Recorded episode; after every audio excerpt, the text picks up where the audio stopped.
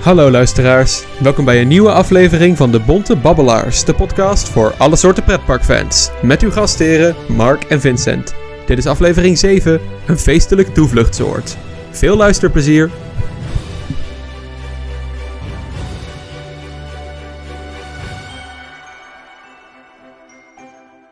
Hoi Mark, Hallo Vincent. we zijn weer terug. Ja, ik weet niet, zo beginnen we op dit moment zo ongeveer elke aflevering. Maar Ja, maar nu houden we ons eigenlijk wel een beetje aan ons schema. We ja, gezegd, niet helemaal binnen twee weken, maar het is het like een paar dagen later, dus eh, goed genoeg. Het is ook zo natuurlijk dat ik niet ehm, weet hoe lang het duurt eh, nadat we een opname hebben gedaan totdat de aflevering daadwerkelijk uitkomt. Editen Dat is waar. eh, editen is niet zo heel moeilijk bij podcasts. Meestal is editen gewoon de podcast terugluisteren en eruit knippen wat je eruit wil hebben. Ja, en dan de gekke filtertjes, dingen eroverheen. En eh, Een introotje erbij en dan is hij in principe wel klaar. ja, Ik vind onze intro heerlijk rustgevend, maar we zijn wel op zoek naar een eh, daadwerkelijke muzikale intro. Dus wellicht in de toekomst. Ja, lijkt me wel leuk. Mhm, ja. Eh, Mark, we hebben vandaag weer eh, wat onderwerpjes klaarstaan voor onze luisteraars. Mhm. Ehm, we willen ten eerste, ja kijk, onze vorige aflevering, het is inmiddels een bonte babbelaars traditie geworden dat wij het ergens over hebben eh, en daarover gaan speculeren en er vervolgens meer informatie naar buiten komt, een paar dagen nadat wij de aflevering maken. Onze timing daarmee is echt heel slecht. Volgens mij was het onze allereerste aflevering over het Efteling Grand Hotel. Dat we opgenomen. En letterlijk de dag erna kwamen op Loopings de, de bouwtekening naar buiten. Ja, precies. Dus eh, dit keer hetzelfde. We zaten lekker te speculeren over de nieuwe Avalon-attracties. En eh, een paar dagen daarna eh, heeft Overland daadwerkelijk bekendgemaakt wat voor attracties het worden. Het was ook zo dat de dag daarna de loopingslek kwam van like, de exacte plaatsing van de Ja. verschillende attracties. En, En zo. hoe groot ze zouden worden en dat soort dingen. Beetje vervelend, maar Ja, maar nu konden we het zien aankomen. Dus ja, precies. ja, nu was het een beetje te verwachten. Want ja, ze waren al begonnen met teasen. En ja, wij wilden een beetje speculeren. Maar als ze eenmaal begonnen zijn, we hadden wel verwacht dat ze ook redelijk snel daarna het oprecht zouden aankondigen. Het geeft ons wel de mogelijkheid nu om eh, nog een aflevering te maken. Dat vinden we zeker niet erg. Nee, natuurlijk niet. Dus dan duiken we maar gelijk in het eerste onderwerp. Eh, de vier nieuwe attracties van Avalon. Eh, ik zat er volledig naast. Nou, de parachutetoren hadden we goed. Goh, hoe zou dat kunnen? Hoe Niet alsof dat dat, al? Ja, geleakt was of zo. Ja, nou, ik zat er volledig naast met de keuze qua thema's. Ik dacht dat ze juist wat meer duisterder zouden gaan, maar ze zijn juist meer de kindvriendelijke kant op gegaan. Ja, Vind ik jammer. ik ook. Ik vind het eh, op zich echt. eh, ik, ik, ik ben lichtelijk teleurgesteld. Het is namelijk zo dat ik wel echt had gehoopt dat het verhaal van het gebied wat meer uitgebreid zou worden. Maar wat ze nu gaan doen is een beetje het verhaal van het voorgaande gebied afkappen en er iets heel nieuws van maken wat niet per se een verbetering is op het vorige. Nee, dat ben ik met je eens. Ik denk qua... eh, als we zo meteen even op de, op, het, op de thema's terugkomen, gewoon puur de attractietypes, want daar waren we natuurlijk ook over aan het speculeren. En daar ja, zaten we meer soort van in de goede richting, want de, de parachute droptoren die was natuurlijk al geconfirmed volgens mij. Dat was al bevestigd Ja. voordat het officieel aangekondigd werd. Eh, door een gekke leak of zo was het, ik weet niet meer precies hoe dat kwam, maar... gegaan. Ja, eh, verder volgens mij hadden wij inderdaad wel eh, het even gehad over de Gerstlauer Skyfly, die mogelijkheid. Of hadden we dat niet Nee, gedaan? hebben we niet gedaan. Niet? Nee. Dat vind ik wel een gemiste kans, want tijdens onze pretparkgesprekken buiten de podcast om hebben we het daar wel meerdere keren over gehad. Ja, klopt. Maar eh, ja, dat was ook eh, wel geruchten die daarom rondgingen dat het zo'n type attractie zou worden. En dat is het dus uiteindelijk ook geworden. Netjes. Eh, ja, de plaatsing ben ik een beetje, ben ik niet helemaal zeker. Vind het, Het, wel het type uniek. attractie vind ik wel erg leuk. Ik bedoel, ook op het gebied van flat rides zijn de meeste attracties natuurlijk niet al te goed te thematiseren. Maar als je kijkt naar de Gerstlauer Skyfly van Tripstrail, die is echt prachtig. Precies. Dus als ze zoiets neerzetten, dan ben ik helemaal tevreden. Ja, ik ook. Qua in ieder geval van die standaard. geval, ja.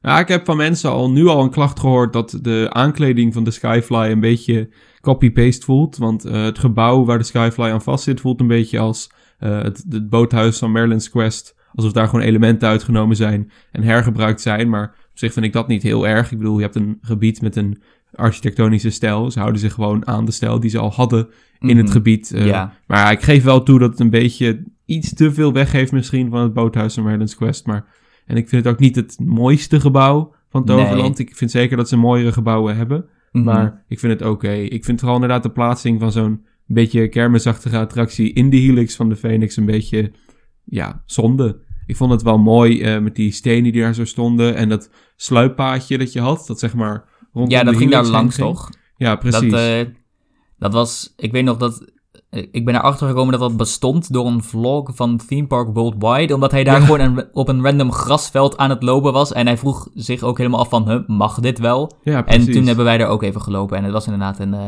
Het is een mooi paadje. ja, Ja, ik heb wel gehoord dat in ieder geval de wachtrij een soort van onder de, de helix doorgaat. En dat je dan via een trap zo weer naar boven komt. Dat is wel ja interessant. het is zeker interessant. Maar ik denk wat je op de concept art niet ziet. En het is nog maar een beetje de vraag hoe ze daarmee om zullen gaan. Is als je een wachtrij hebt waar mensen staan. eh, of een pad. Wat zo dicht bij een achtbaan komt. Dan heb je natuurlijk het risico dat, eh, weet ik veel, iemands telefoon uit zijn zak vliegt. En iemand raakt die daar in de wachtrij staat. Ja, En dat wil je niet hebben. Dus om dat te voorkomen moeten ze vaak netten plaatsen. Hebben ze ook al op meerdere plekken gedaan in Avalon volgens mij. Maar ja, ik ben dus wel benieuwd hoe ze dat hier van plan zijn aan te gaan pakken. ja, op de concept art zie je geen netten. Maar die moeten natuurlijk wel komen. Dus Ja. dat, zou je, dat is sowieso ook wel gewoon Of de zonde. netten moeten komen, of er moet iets van andere overkapping. Of wellicht kunnen ze ook de, de regels rondom eh, loose articles bij Phoenix gaan aanpassen. Dat zou ook nog kunnen in principe. Ja, in principe kan dat ook, ja. Maar het zou wel heel zonde zijn als er overal netten om die helix heen komen te staan. Ja. Dus eh, daar moeten we nog maar even gaan afwachten. Ja, precies. Ik vind de keuze van de naam goed. Hoe heet hij nou? Hij heet Pixaris. Uh-huh, dat was toch een combinatie van, eh, van die gekke Pixies, heten ze Pixies? ja, ja, en, eh, die, die, en die Icarus. Pixies uit Merlin's Quest. Ja, precies. dat is vrij duidelijk een eh, combinatie daarvan. Ik vind het wel jammer dat ze, om, zit nu, nu hou ik, me- ga ik een beetje tegen mijn eigen, tegen hetgene in wat ik zelf heb gezegd zojuist, maar dus het ding dat ze, zoals dingen zoals de Pixies en zo al, al helemaal hadden uitgedacht bij het thema van Avalon en dat vervolgens gewoon nooit meer hebben gebruikt en daar gewoon nieuwe dingen bij bedenken die niet nodig waren. Maar ja, daar komen we zomaar even op terug dan. Ja, Eh, ja, de Parachute Drop Tower. Ik bedoel, ja, daar kunnen we niet heel veel meer over zeggen. Die was al geleakt. Daar hebben we onze Ja. gedachten over gegeven. Al We wil wel nog wat naam. zeggen over de aankleding. we hebben de naam ook. Hij Dragon Watch. Ja, Oké. Ik weet niet. Het is een beetje een cliché naam voor zo'n type attractie, heb ik het idee. En het is ook een beetje van... Waar komen de draken ineens vandaan? Ik bedoel, de enige referentie naar draken binnen Avalon is volgens mij de ijsdraak in de eerste dinges van Phoenix. Ja. Of heb ik, zeg ik dat verkeerd? Ja, dat klopt. Dat is de enige draak. Dat is de enige. Dus waarom moet je nu ineens op uitkijk gaan naar andere draken? En ja, ik weet Ik niet. vind het je storytelling dat? is ook jammer. Want het zorgt ervoor dat de draak in Phoenix minder bijzonder voelt. Mhm, Ja, dat er blijkbaar een boel andere draken zijn. Ja, want een draak voelde als iets uitzonderlijks. Een soort van eh, eindbaas in de Phoenix. En nu voelt een draak als gewoon weer het zoveelste standaard wezen dat in het gebied voorkomt. Mhm, Ja, dat is ook een beetje jammer. Dus ik vind het, eh, dat vind ik jammer. En dan, Mhm. Verder, de andere twee attracties, volgens mij, eentje heet de Garden Tour. ja, Dat is de, dat is de gekke wagentjes met, met de bijen die je vooruit trekken. die vond ik op zich nog wel leuk. Die vond ik wel, ook wel leuk. Die inderdaad. had nog wel wat weg van Merlin's Quest op een zeker opzicht. Die, eh, ja, ik weet niet in, in hoeverre het echt soort van wat het, eh, wat het doelgroep gaat zijn. Of het de bedoeling is dat ouders met hun kinderen mee erin gaan. Of dat misschien niet de allerkleinste kinderen, maar dat kinderen er ook los in zouden kunnen. En terwijl de ouders, weet ik veel, ja. bij, eh, bij de Flaming Feather iets aan het eten zijn of iets in die richting. Het is wel goed dat er eh, meer aandacht naar de Flaming Feather komt. Ja. Het was altijd wel een beetje een uitgestorven restaurantje. Ja, Op de en meeste dat was doodzonde, zeker aangezien het zo prachtig gethematiseerd is. Ja, precies. Dus het is wel leuk dat er nu meer animo komt voor de Flaming Feather. Om daar in de Mhm. buurt te gaan eten. Ja, Ehm, en de Garden Tour ziet eruit als een prima attractie. Ja, de, de carousel soort- daarentegen. Ja, de carousel. Ik weet niet, het is ook gewoon... Als ik, de, als ik de concept art mag geloven, is het niet eens echt een carousel. Het is een soort van... Echt het, bijna het allerkleinste type attractie wat je neer kan zetten. Gewoon zo'n ding wat je bij wijze van spreken ook in een, in een gigantische eh, winkelcentrum zou kunnen tegenkomen. Dat die gewoon Ja. random ergens staat. En het is ook heel sneu dat deze carousel heel duidelijk gemaakt is met merchandising en marketing op ogen met die figuurtjes. Ja, hoe heet die nou? Jumping Yuna? ja Ik weet niet hoe ik het moet uitspreken dan, maar... Sparky the Dragon geloof ik en Jumping Juna. Het is Mhm. heel stom. Ze passen totaal niet in de stijl van Avalon. Nee. Ik vind het stom, want het is... eh, Toverland eh, had heel erg duidelijk gemaakt dat ze met Avalon een meer volwassen kant op wilden. Dat ze van Avalon echt een, een hoogwaardig gebied wilden maken. En wat ze nu gaan doen is een, een volwassen gebied eh, veranderen in een kindergebied. Of ja, ja, een familiegebied. Maar waarom moet dat? Wat is er erg aan gewoon een volwassen gebied te hebben? Dat zorgt Mhm. juist voor meer variatie in je park. Nu wordt het park juist weer meer een eenheidsworst. Het is Ja. sneu, want meestal ben ik vrij positief op de dingen die Toverland doet. Maar ik ben nu wel echt een beetje teleurgesteld. Ja, dat, ben ik, dat gevoel deel ik wel. Ik, Ik- denk ook dat eh, als we nu wat dieper op het thema ingaan. Jumping Juna specifiek.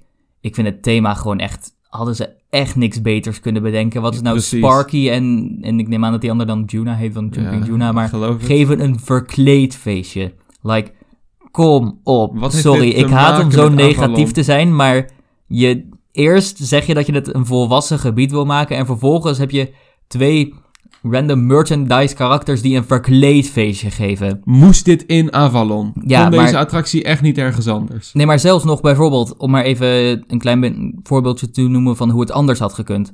Een vergelijkbaar type attractie met zelfs dezelfde merchandise karakters had je al veel stijlvoller kunnen thematiseren, vind ik dan.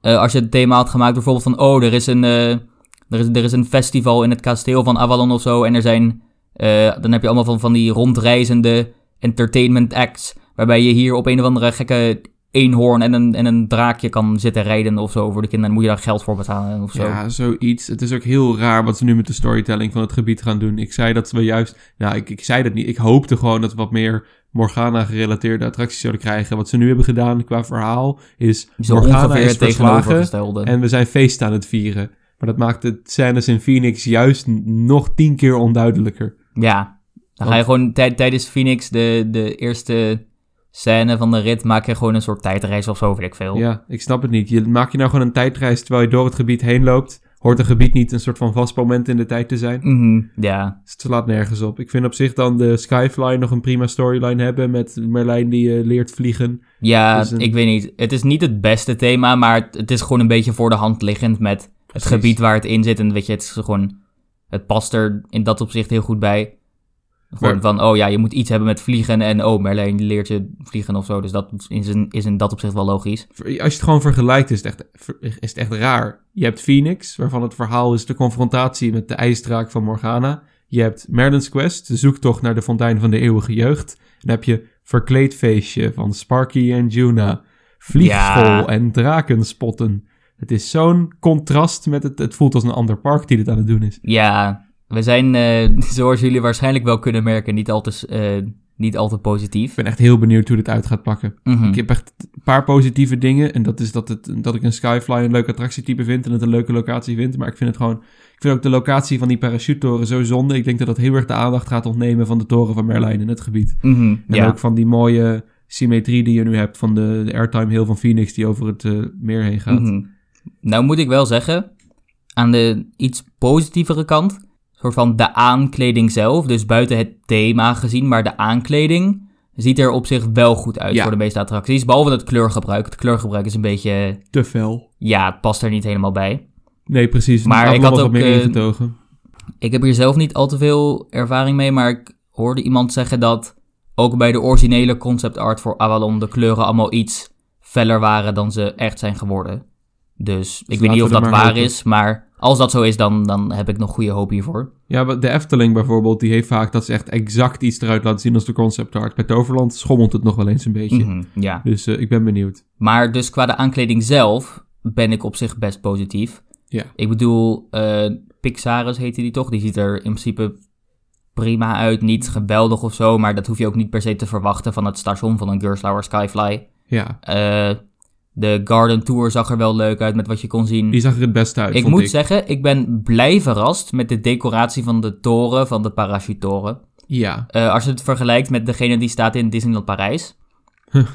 Daar is het gewoon echt een kaal groen ding. Dat is gethematiseerd naar de gekke militaire soldaatjes van Toy Story, volgens mij. ja, Ehm, maar ja, als je het vergelijkt met dat ding, dan is dit echt een wereld van verschil. ja, klopt. Want eh, ik ben heel blij dat ze eh, soort van het attractie, de, de soort van alles wat je nodig hebt voor de attractie, eindigt waar die gekke borden, of ik weet niet hoe je dat moet noemen, maar die gekke dingen uit de paal De komen steken, Ja, waar de kabels aan hangen.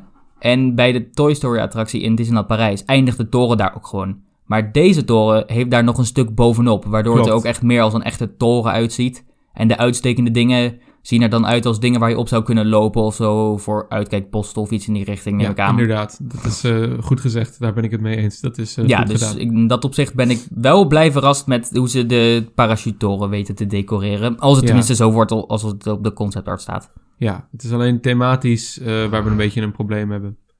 En ehm, dat is, ja, de, de, de, Skyfly heb ik inderdaad precies hetzelfde als wat jij zegt. Ik ben het eigenlijk eh, vrijwel volledig eens met jou. Wat ik eh, ook nog wilde vermelden, wat ik heel erg jammer vind, is dat ehm, Avalon zo aan het meer zat. En dat je bij Phoenix zo'n rondje kon lopen Mhm. eh, rondom het meer. En daardoor leek het heel erg alsof het meer waar Merlin's Quest op voer, eh, verbonden was met het meer achter van Avalon. Omdat er maar een heel smal pad was die twee van elkaar scheiden. Zo voelde het gebied als een groter geheel en wekte het de illusie dat het veel verder doorging. Maar nu, omdat het gebied zo erg uitbreidt naar de kant van de Flaming Feather, gaat die verbinding denk ik een beetje verloren. En dan gaat het niet meer voelen als één groot meer, maar als twee verschillende meren. En Mhm. ik, ik ben een beetje bang dat dat de, de illusie van de grootheid van Avalon verstoort. Ja, Het is ook nog steeds onduidelijk of ze nou ook budget gaan investeren in het opknappen van de bestaande dingen in het gebied. ja er werd gezegd dat ze dat wel zouden doen, maar we moeten natuurlijk gewoon afwachten om te kijken hoeveel, hoeveel daarvan ze echt daadwerkelijk gaan doen. Want ik bedoel, je kunt gewoon zeggen, ja, we gaan dit ook gebruiken om een beetje op te knappen hierna. Vervolgens doen ze maar één klein dingetje en dan is het technisch gezien ook goed. Ik hoop Maar- gewoon heel erg dat ze de, de, het uitzicht op de showbuilding aanpassen op de breakrun van Phoenix. Dat is het grootste, de grootste doorn in het oog van het gebied momenteel voor mij. Van het gebied wel, maar ik weet niet eens of ik dat liever zou hebben of dat ze gewoon even de, de eerste scène van Phoenix even Ja. helemaal een, eh, een volwaardige Dark Ride scène Dat maken. heb ik ook het liefst inderdaad. Want, eh, Dat geeft toch net iets meer dan alleen een rotsmuur. en een drakenkop. Nee, ik bedoel, als, je, als ze de, Ja, de wand meer bij de dan alleen een breakrun rotsmuur, zouden... inderdaad. Ja, dan Ja, heb je precies. alleen een rotsmuur. Terwijl als je de eerste scène hebt, kun je ook nog andere elementen daaraan Ja, toevoegen. het is vooral met die, met die wand die, dat ik heel erg heb. eh, dat je, al- als je hem niet zo duidelijk zou zien, zou ik het niet zo erg vinden. Maar het is letterlijk waar je op tegen staat te kijken als je op de remmen van Phoenix staat. Ja, Hij is echt heel duidelijk zichtbaar. ben je zo'n heel prachtig gebied doorgevlogen tijdens je, tijdens je rit. En dan kom je bij de, bij de remmen en dan is het ineens gewoon loods. Ja, precies. En dat vind ik gewoon zonde. Mhm. Ik denk ook wel dat een van de grootste dingen die ik persoonlijk heb met, eh, met het thema van deze uitbreidingen. Nou, en natuurlijk dat het gewoon veel minder volwassen is dan de rest van Avalon. Maar persoonlijk stoor ik me er erg aan als je in een themagebied bent waar alles om jou draait als bezoeker.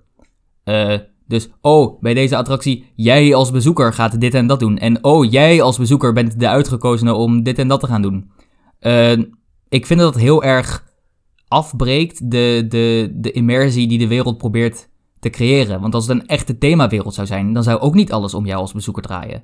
Nee, precies. Jij bent niet de hoofdpersoon in het verhaal. Je bent een passant in een andere ja, wereld. en ik vind dat Avalon eh, dat op dit moment heel erg goed doet. Ja, Je hebt nooit het idee van, oh, alles hier, is, alles hier draait om mij. Alles hier, dit is eigenlijk gewoon één groot gebied om mij als bezoeker een leuke tijd te laten hebben, zodat ik meer geld uitgeef. Ja. Eh, om het maar even heel bot zo te zeggen. Dat is wel hoe sommige gebieden aanvoelen. En ik vond dus dat Avalon dat heel erg goed deed, juist. Dat het heel erg daarvan afweek. Ehm, maar dus bijvoorbeeld Dragon Watch. eh, Ik bedoel, we hebben natuurlijk nog niet echt de storylines van deze attracties. eh, zijn nog niet bekendgemaakt. Maar bij een attractie als Dragon Watch lijkt het me vrij duidelijk dat ze wel iets gaan moeten zeggen van... Oh, jij als bezoeker moet mee met de... met de, weet ik veel, op uitkijk toch voor draken of zo. En begrijp me niet verkeerd, het is prima als sommige attracties dat doen. Maar als je gewoon in een gebied staat en waar je ook kijkt, zijn de attracties van... hey, bezoeker, jij, jij, jij bent de belangrijkste, geef mij aandacht, jij bent waar het om draait. Dan vind ik het storend. ja, want nu had je in Avalon Merlin's Quest, waar het wel een beetje om de bezoeker draaide. Mhm. Maar meer om de bezoeker als groep. En niet per se om jou als individu. Je voelde nog steeds een beetje als een figurant in een eh, tocht door een grotere wereld. Mhm. Ja, Ja, daar ben ik het inderdaad wel mee eens. Eh, gaan we toch weer de vergelijking trekken met bijvoorbeeld een Kloekheim, die doet dat een stuk beter. ja. Kloekheim voelt echt meer... Oké, ik ben er niet geweest. Maar alsnog, ik ga dit zeggen. Kloekheim eh, voelt naar mijn idee veel meer... En dat komt natuurlijk ook een beetje door de stijl die Fantasieland aanhoudt... met er is wel een thema, maar we dringen het niet aan je op. Ja, Nou, is Fantasieland doet het zo weinig. Ik denk niet dat het altijd zo weinig hoeft, maar er is een beetje een balans die je kunt vinden.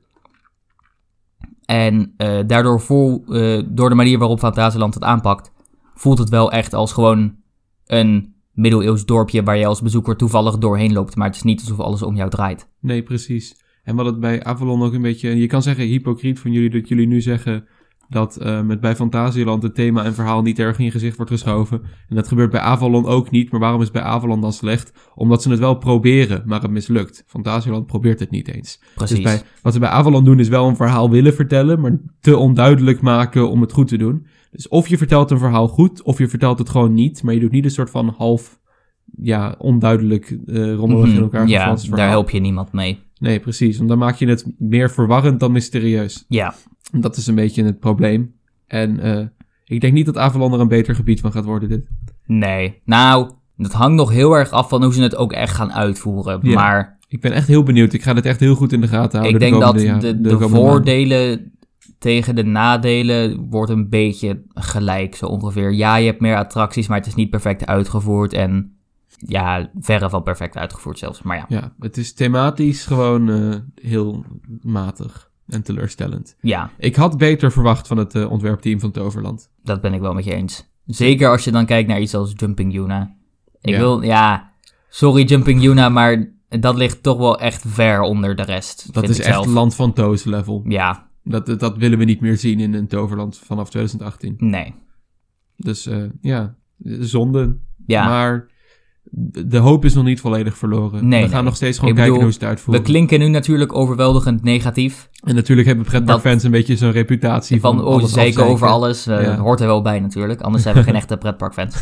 Maar ehm, ja, ik denk dat de reden dat we nu zo negatief zijn... is gewoon vooral omdat we met de teasers hele goede hoop hadden... en nu toch iets wat teleurgesteld zijn met wat ze naar buiten hebben gebracht. Ja, Ehm, maar dan moeten we wel onthouden dat we niet te vroeg moeten oordelen... en pas echt een mening geven als het er staat en we het hebben ervaren. precies. Dan gaan we echt onze goede mening geven. Het is gewoon dat we er momenteel minder vertrouwen in hebben dan we liever zouden willen. Ja, Ehm, dan heb ik een eh, snelle gewetensvraag voor jou. Was Avalon, zoals het nu is, of eigenlijk was, want ze zijn al Mhm. begonnen met de bouw, het mooiste themagebied van Nederland? Ja, dat is natuurlijk lastig, want de Efteling heeft een beetje een identiteitscrisis met wat ze nou wel of niet als themagebied beschouwen. Ja, klopt. Ehm, ik ben persoonlijk van mening dat de Efteling eigenlijk geen echt themagebieden heeft. Je hebt dan bijvoorbeeld het kleine pleintje voor de Vliegende Hollander, of eh, ja, eerst trok het door tot like, de halve maan met een soort zeevaartsthema, maar dat is nu ook een klein beetje onderbroken. Ja. Eh, je hebt natuurlijk de wereld van Simbad, je hebt het pleintje bij Max en Moritz, maar dat vind ik eigenlijk ook weer niet echt volwaardige themagebieden. Nee, het zijn meer de, de werelden van de attractie die een beetje buiten de grenzen van de attractie reiken. Ja. mhm. Ehm, dus in dat opzicht vind ik de Efteling persoonlijk niet echt meetellen. Nee. Over Walibi ga ik het maar niet hebben. Ehm, nou, we zijn van plan het zo meteen wel Later nog in de over aflevering Walibi wel, te ja. hebben. Ja, maar, precies. eh, maar ja, dus dan blijft eigenlijk alleen Toverland over als het gaat om Nederlandse parken. Was Avalon mijn favoriete themagebied van Toverland? Ik denk het wel, om eerlijk te zijn. Ja, Persoonlijk ik vind ik van wel. Ja, ik vond het het meest... eh, het, was, het was heel mooi ingetogen. Het had een hele fijne Mhm. fantasy-stijl, fijn sfeertje. Jammer toen ze, het, like, toen ze er één maand like, Ed Sheeran muziek gingen spelen, maar... eh, Oh nee, dat was zo pijnlijk. Weet je dat nog? Ja, ik vond het ook zo zielig dat eh, in, in het loopingsartikel hadden ze naar een reactie gevraagd van Imascore. En je kon gewoon zien dat die, die eh, woordvoerder van Imascore met pijn in zijn hart gewoon zei van ja, eh, we hebben het wel eh, voor hun gemaakt, maar dit is natuurlijk de keuze van de klant of ze het willen gebruiken Dat of was niet. wel echt de raarste keuze die Toverland ooit gemaakt heeft. Ik snapte Ja. daar echt helemaal niks van. Je had daar juist een Toverland dat heel erg zei van... Oh, we gaan helemaal op de thematische belevenis. En dan doen ze dat. Ja, Zo blij dat dat niet doorgevoerd is. Dat we gewoon nog steeds de Imascore muziek in Avalon hebben. ja, daar ben ik ook heel blij mee. Ja, het kwam, het kwam heel ondankbaar over. En het was gewoon slecht. Het was gewoon echt heel slecht. Ja, gelukkig zijn ze daar weer van afgestapt. Ja, Maar ja, ik denk dat. Ja, Avalon is in, was dan in ieder geval in mijn ogen inderdaad het beste themagebied van Nederland. Ik denk dat de andere die in de buurt zouden komen van Toverland zijn dan Magische Vallei. Maar die mist Staat toch ook nog wel iets. En ik denk persoonlijk Port Laguna. Maar Port Laguna heeft gewoon Oh ja. geen echte attracties. Maar dat, dat is inderdaad een groot tekort. Hadden ze niet Jumping Tuna en Port Laguna kunnen zetten? zou, dat vind ik veel beter thema. bij pas eigenlijk. Hadden Maar, ze dan niet in plaats van een eenhoorn en een draak... een vogel en een dolfijn kunnen doen... en het in Port Laguna kunnen zetten? waar kom je met de dolfijn vandaan? Dan Ja, moet hij in het water zitten. Ja, weet ik veel. Dat- Magische dolfijn. Of zoals wat geven van de logica bij Avalon nu. Opgelost. Magische dolfijn. Magische dolfijn. Vliegende Perfect. dolfijn. Vliegende vis. Opgelost. De vliegende vissen. Ja. Oh nee, niet de vliegende vissen. Het mooiste themagebied van Nederland is Lol Atoll in Drievliet. Lol Atoll. Geen haat naar Lol Atoll. We zullen het waarschijnlijk wel zo bespreken in onze Duinrail versus Drievliet Park Battle. Park Battle! Ja. Duinrail versus Drievliet. El- elke keer dat ik het zeg, ga ik gewoon met zo'n epische stem zeggen. Maar Ja, ja, we zullen het in die aflevering, gaan we het vast even daarover hebben. Maar ja. Maar ik ben het met je eens. Avalon, zoals het was, was het mooiste themagebied van Nederland. Mhm. Ehm, ja, Dus eh, ja, we hebben onze mening erover gegeven. Het is nu alleen nog maar afwachten tot het er staat en eh, wat het daadwerkelijk gaat worden. afwachten met de vingers hard gekruist. Ja, dat zeker, dat zeker. Dat is een beetje waar het nu om gaat. Ja, ik, ik, ik heb, het bouwteam van Toverland kan er wel wat moois van maken. Maar ik ga het in ieder geval echt eh, actief en goed in de gaten houden de komende paar maanden. Ja, zeker. En eh, we gaan er zo snel mogelijk bij zijn als het eh, opent. Mhm. Is al bekend wanneer ze van plan zijn dit te openen? ja, gok gewoon voorjaar 2023, volgend maar jaar. Ik gok ergens in het voorjaar. ja, het zijn niet super grote April. attracties Nou, natuurlijk. dus het ik- voorjaar moet wel kunnen. Wat ik opvallend vond, is dat het budget 10 miljoen euro is. E- Om eerlijk te zijn, voor dat geld, Hadden ze ook iets anders kunnen neerzetten. ja, ja, eigenlijk wel. Nou vind ik het ook, soort van, ze zijn wel redelijk efficiënt omgegaan met het geld. Ook kun je daar natuurlijk nog totaal geen oordeel over geven, want eh, in de realiteit wordt het waarschijnlijk iets anders dan de concept art. Maar ja, Ja. Ja, want daar- op de concept art van Avalon was die wand van de Phoenix wel afgewerkt. Toverland. Maar Ja, nou, wat ik wel een beetje heb met 10 miljoen euro is, je, hebt, je moet vier nieuwe attracties aankopen en de aankleding daarvoor en eh, de uitbreiding van het gebied, namelijk door het meer droog te leggen. Dan blijft er echt niks meer over om de bestaande attracties op te knappen, toch? bijna dus niks ik denk niet dat we al te veel mogen verwachten. Nou denk ik dat Jumping Juna ook nou niet al te duur gaat zijn. Nou, maar- dan moet ik wel toegeven, Toverland, eh, ze hebben Jumping Tuna wel een beetje op een hidden, in een hoekje gestopt, eh, op een verborgen, semi-verborgen dat we er niet naar hoeven te kijken als we niet willen. Precies. Nou ja, ik denk dat het, eh, het effect van de Avalon binnenlopen en die Skyfly daar zien in de Helix, dat dat nog wel gaaf dat wordt zijn. wel gaaf. De parachutetoren in de verte, eh, eh, eh. Meh. Het was gewoon ook zo, het is zo zonde, want Phoenix was een van de beste achtbanen voor off-ride shots, omdat hij dat hele gebied domineerde. En dat gaat nu niet meer het geval zijn. Mhm, helaas. Je kon eh, echt schitterende off-ride beelden van Phoenix maken. Mhm. Gelukkig kan het meest magische momentje van Avalon nog wel plaatsvinden. Dat is wanneer je in een boot zit van Merlin's Quest, over het meer gaat, onder de airtime heuvel van Phoenix doorgaat en die dan langs raast. Mhm. Ja, zeker. Maar ja, nu komt er ook nog een Skyfly langs. Dat is nog iets wat langskomt, I guess. Ja, We gaan het zien. we gaan het echt, we- we- ja, we Mhm. gaan het zien. Ja. Dat is in principe alles wat we erover te zeggen hebben. Mhm. Weinig vertrouwen, beetje teleurgesteld, maar alsnog met de vingers gekruist eh, aan het uitkijken naar wat ze gaan doen. Ja, zeker.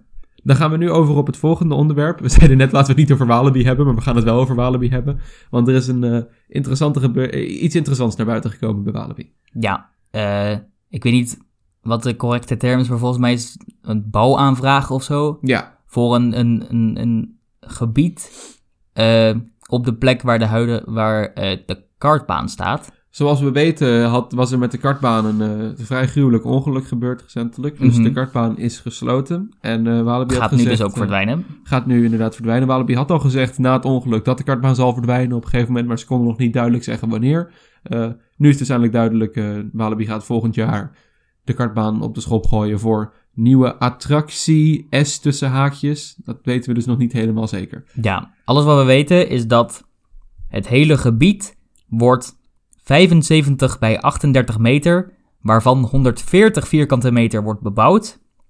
eh, met een bouwwerk, zoals het dan daar heel vaag staat. Ja, dat is heel met vaag. een inhoud van 525 kubieke meter, met een maximale hoogte van 12 meter. We En hebben dat dus is alles wat we weten. Geen idee wat dit gaat worden. Nee, maar wat dat wel betekent, is dat we lekker kunnen speculeren. En er komt nu weer een klassieke Bonte Babbelaar speculatieaflevering en dat er morgen meer informatie naar buiten komt. Dat gaat sowieso gebeuren. We zijn gewoon vervloekt. gebeuren. We Dit zijn gewoon vloek. vervloekt. Jongens, hou morgen Twitter en Loopings in de gaten. Er gaat meer informatie over het walenbieding naar buiten komen. Ja. Nee, het is... ehm, ja, wat, wat denk je dat het gaat worden, Mark? Om eerlijk te zijn, ik heb echt geen flauw Ik idee. ben nog nooit zo in the dark geweest met een attractie. Ik heb echt geen flauw Mhm. benul. Ik weet waar wij het eerst natuurlijk aan dachten was van... Oh, misschien een flat ride of een kleine dark ride. Jij noemde wellicht een kloon van Popcorn Revenge. Ja. Maar toen keken we naar de afmetingen van het gebouw... en het gaat daar absoluut niet in passen. Popcorn Revenge gaat er inderdaad zeker niet in passen. Dus het is, eh, ja, raar. Ik, ik, ik denk dat we een soort loods met familieattracties kunnen verwachten. Ja, het- maar daar is het denk ik dan ook weer niet groot genoeg voor. Nee, dus Want worden dan- 140 vierkante meter, dat is like 7 bij 20. Ja. Dat is echt heel weinig. Dat is echt niks. 10 bij 14. Dat, dat is niet genoeg voor meerdere attracties. Dus Het dak was er ook 12 meter hoog. ja, Ja, daar past ook bijna niks in. Wat ik me trouwens nu wel bedenk. Wij dachten dus eerst misschien iets van een flat ride of zo. Want ja, een echt grootschalige attractie zal het wel niet worden. Maar ik vind het ook een beetje vaag als ze dan helemaal een eh, gebouw gaan neerzetten voor één flat ride daar vervolgens binnen. Of Ja. gewoon meer een traditionele flat ride. Ik bedenk me nu wel, iets van een simulator of zo zou daar wel makkelijk in passen. Oh, daar zeg je inderdaad wat. Dus wie weet krijgen we een soort eh, Star Tours-achtige simulator. Ja, het, het zou kunnen. Mhm. Ik, ik, ik, ik weet niet. Het zou, ik zou het heel fijn vinden als Walibi het voor elkaar krijgt een nieuwe indoor-attractie te openen. Waar Ja. ik eh, wel heel blij mee ben. Een goede change of pace is het feit dat we eindelijk weer een familieattractie krijgen. Want er staat wel duidelijk familiegebied. Oh, dat is waar. Er staat familiegebied. Ja, precies. En dat is echt heel fijn. Want eh, nu een beetje het grotere plaatje van dit onderwerp van de aflevering. Walibi is echt een paar bizarre beslissingen aan het nemen de laatste tijd. Ja. Eh, hoe ze zich eerst heel lang hebben gefocust op, eh, op meer de jongere generatie en de thrill seekers. Hashtag hardgaan en alles. Ja, En nu ineens weer een 180 graden draai hebben gemaakt naar families. Maar vervolgens nog niet echt iets hebben gedaan om meer fam- een familiepark te worden. ja. Er zijn echt nul stappen ondernomen in de richting van familiepark. Ja, de laatste grootste toevoeging was Untamed. En eh, dat is Dat nou is- niet bepaald een Nee, familieattractie. niet bepaald. En wat ik nou dus echt het, het, het raarste vond, is dat ze nu dus bekend hebben gemaakt dat ze een RMC Raptor of een RMC Single Rail Coaster hebben aangeschaft om in 2024 te openen. Dat is ook niet bepaald een familieattractie. Absoluut geen familieattractie, dus ik snap nou niet helemaal wat Walibi voor doelgroep heeft. Dus nee. Dan vind ik het op zich wel fijn dat ze nu in 2023 familiegebied bouwen. Dan moet ik wel zeggen dat ehm Walibi echt heel erg met hun eh, media-outings eh, achter de andere parken aangaat. Namelijk Efteling maakt bekend dat ze in 2024 Dans Macabre openen. Walibi komt heel snel met, oh, wij gaan in 2024 een RMC Single Rail Coaster openen. En dan Ja. heeft Toverland in 2023 een paar nieuwe familieattracties. Oh, we maken een nieuw familiegebied op de plek van de kartbaan. Ja, ik weet niet. Het voelt een beetje alsof ze in beide gevallen proberen te concurreren. Maar in beide gevallen zijn de, aankondiging, de aankondigingen, naar mijn mening, Te minder karig. groot. Dus Ja, is een beetje van, oh, wij, maar wij doen ook iets. Maar het is wel minder goed. Maar wij doen ook iets. Wij doen iets. Ja, Ja. precies. Dus ik, ik- het management van Walibi is, is apart. En nou komt dus de meest bizarre beslissing die ze recentelijk hebben genomen. Eh, het feit dat ze voor een winteropenstelling willen gaan.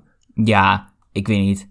Ik weet nog, toen ze dat bekend maakten, dat was eh, al een tijdje voordat wij deze podcast zijn begonnen volgens mij. Ja, Maar ik weet niet meer precies wanneer ze dat bekend hebben gemaakt. Maar ja, eh, al een tijdje geleden. En wij zaten echt van, huh? Walibi open in de winter? Hoeveel attracties kun je dan soort van reliably draaien? praktisch geen. Ja, Want want Laten we even duidelijk ik maken. bedoel- Walibi heeft één indoor attractie. Brilliant Magic Castle. Ze hadden er twee. En daar hebben ze er nu eentje van gesloten. namelijk de Clinic. Ja, Dus wat? nou is dat ook niet echt soort van een, eh, een eh, grote attractie, maar Nee, maar dat was wel een van je twee indoor Ja. attracties die je nu gesloten hebt. Kijk, Walibi heeft natuurlijk gewoon vooral eh thrill rides en achtbanen. En daar gaan ze gewoon goed op, weet je. Ze mhm, voelen in die zin een beetje als een Amerikaans park. Maar die, die, die werken gewoon niet in lage temperaturen. Nou, dat is dus het ding. Ze kunnen wel open, maar het is meer, er zijn weersomstandigheden waarin ze dicht zullen moeten.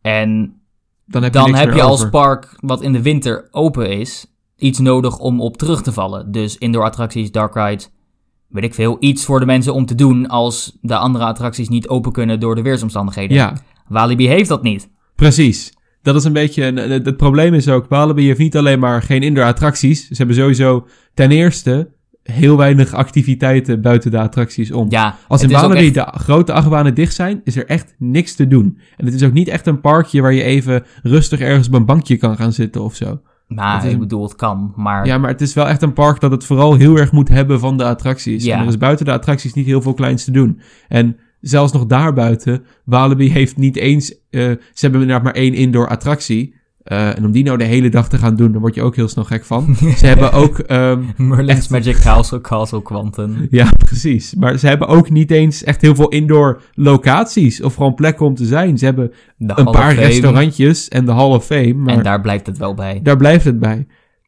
Weet ik veel. En Walibi is ook niet echt een park waarvan je denkt, oh, echt, het, het is zo mooi in de sneeuw en zo. Het is, Nee. Nee, dus ik, ik snap er echt Ik helemaal niks van. We, zullen, we we gaan waarschijnlijk zo ook nog even door over het hele festivalization proces van Ja, Walibi. klopt. Maar, ehm, ja. Wij hadden dus erg onze twijfels erbij eh, bij de winteropenstelling. Dat zijn ze toch al van plan deze winter te gaan doen. Volgens mij wilden ze dit, deze winter een experiment doen. En als ze het goed uitpakken, dan gingen ze ermee door. Ja, nou... eh, ik vrees dat ik ze alvast een kleine voorspelling kan gaan geven Ja. van hoe het gaat eindigen. mhm. Maar ja, dat is ook wel echt iets wat me opvalt. Walibi heeft gewoon niet zoveel attracties eigenlijk. Nee. Je hebt de grote achtbanen. Dat zijn er zeven volgens mij. Nou, groot als je draak ook meetelt. Maar volgens mij hebben ze... Ja, en dan verder je hebt Merlin's Magic Castle. Je hebt Blast. Je hebt... Blast is sowieso Space dicht Shot. in de winter. Space Shot is sowieso dicht in de winter.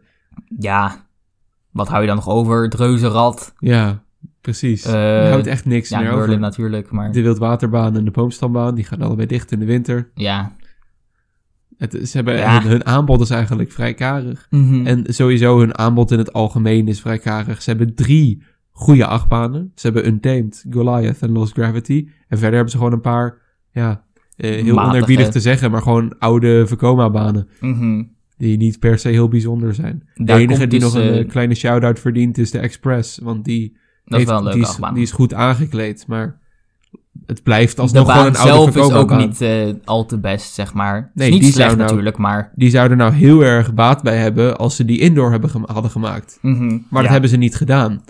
Dus eh, ook weer een attractie die dicht kan in de winter. Hij is op en meer gebouwd. Tuurlijk gaat hij dicht in de winter. Ja. En daar bouwen ze nu dus een, een RMC single rail coaster bij. Dat wordt waarschijnlijk wel een goede achtbaan voor ons pretparkfans, maar Een slechte capaciteit. Dat ja, een hele slechte capaciteit. En in ieder geval van de modellen die er nu al zijn. eh, nou, niet allemaal. Je hebt Jersey Devil in, eh, in Six Flags Great Adventure. Die is iets minder intens. Maar de andere drie zijn zeg maar zo intens dat het waarschijnlijk niet de favoriete attractie wordt van de, van de GP. Nee, en wel- dit is echt een beetje een wildfire verhaal. De enige, het enige volk dat je ermee lokt zijn andere coasterfans en pretparkfans. Ja, Maar de gemiddelde Nederlander gaat er niet naar Walibi omdat er een RMC single rail coaster nee, staat. precies. Dan gaan ze veel liever naar de Efteling vanwege Dans Macabre. Ja, precies. Dus het is, het is heel vaag. Walibi moet gewoon even... En het is, het is zo zonde, want Walibi België is wel de goede kant op aan het gaan. Die zijn goede gebieden aan het aankleden. Die zijn dark rides aan het bouwen. Attracties aan het opknappen. Ze hebben nu recent de Laconda eraan toegevoegd. eh, wat een, een achtbaan is die wel goed de aandacht weet te trekken bij iedereen. Mhm. Dus... het is- Al is het hij natuurlijk ook een klein beetje overschaduwd. In ieder geval bij ons pretparkfans door The Right to Happiness. Maar Ja, tuurlijk. Maar dat is eh, gewoon omstandigheden.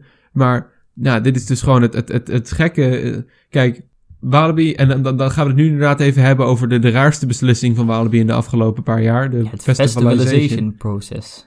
Ik vind het echt, echt sneu. Ja, ik weet niet. Walibi voor het festival, hm, festivalization, als ik kan praten, Ja. proces, ehm, was gewoon een beetje een, een, een, om het zo maar te noemen, een beetje een, een typisch park. Met, oh, je hebt een, een meer middeleeuwsachtig gebied bij Robin Hood. Je hebt Ja. een, weet ik veel, een, een Mexico-gebied. De Speed Zone! Wat dat ook mag voorstellen. Maar Racegebied, weet ik veel. ja, dus gewoon een beetje een typisch park met verschillende zones gethematiseerd naar verschillende dingen of gebieden. Eh, en dat was in principe gewoon prima zo, vind ik zelf dan. Maar toen dachten ze van, laten we het hele park makeovers gaan geven. Maar Maar het hele park hetzelfde laten voelen. ja, ik weet niet of dat ook officieel een van de doelen was, maar dat is in ieder geval wat ze ermee bereiken. Ja. Want toen ze Lost Gravity openden, ik weet niet precies wanneer ze met het eh, Festivalization van start zijn gegaan. Mm, Rond 2017, 18, geloof ik. in ieder geval, toen Lost Gravity opende, toen was het een beetje van, oh, een beetje een, een, een dystopische wereld waar, weet ik veel, een beetje post-apocalyptisch, niet helemaal. En maar, die vind ik nog wel leuk aangekleed. Ja, Lost en daar werkt het. Maar toen leek het een beetje also- alsof ze het hele park in diezelfde richting zouden gaan trekken. Maar dan niet eens post-apocalyptisch, maar gewoon vervallen. Ja. Het is, het is echt gewoon lelijker maken. Maar niet om het thematisch lelijker te laten voelen. Het is gewoon echt lelijker maken. Wilderness vind ik daarop wel een beetje een uitzondering. Nou, nou komt inderdaad het ding. Ik vind niet per se alle ontwikkelingen die ze hebben doorgevoerd eh, per se slecht. Ehm, ik vind eh, Wilderness inderdaad op zich nog wel een geslaagd gebied. Alleen, ik zal ze nooit vergeven voor wat ze met het exterieur van Merlin's Magic Castle hebben gedaan. Ehm, Maar verder is het op zich nog wel... Het heeft een, een, het gebied rondom Untamed in ieder geval heeft een, heeft een prima sfeertje. Een beter Ja. sfeertje dan de Robin Hood had in ieder geval. Mhm. Het station van Untamed is mooi. Het is, daar is het prima uitgevoerd. Alleen de beetje rare live, laugh, love vibes die het afgeeft. Met die Ja, rare het is teksten. Maar je- ik bedoel, je snapt wat ik bedoel, want het is gewoon een beetje een vervallen wereldbeeld. Ja, precies. Van, oh, Nou ja, waarom zou een de- vervallen wereld dan nog niet live, laugh, love bordjes overal hebben? nou, het is gewoon een beetje het idee van de, van de oh, de, de, de hele samenleving is ingestort en eh, deze gebouwen zijn allemaal eh, aan, uit elkaar aan het vallen. En, oh, deze mensen, ik weet niet, het, het is overal overgroeid gras en... Ja, nee, dat werkt daar. Maar waarom moet er dan heel groot love op Untamed staan? Weet ik veel. Het, het doet me gewoon denken aan, aan zo'n zo'n gekke, eh, zo'n gekke kolonie of zo van mensen die weten te overleven in de post-apocalyptische wereld. Waar ze zijn van, wij gaan allemaal gekke quirky shit maken met, door Live, Laugh, Love op deze houten constructie te plaatsen.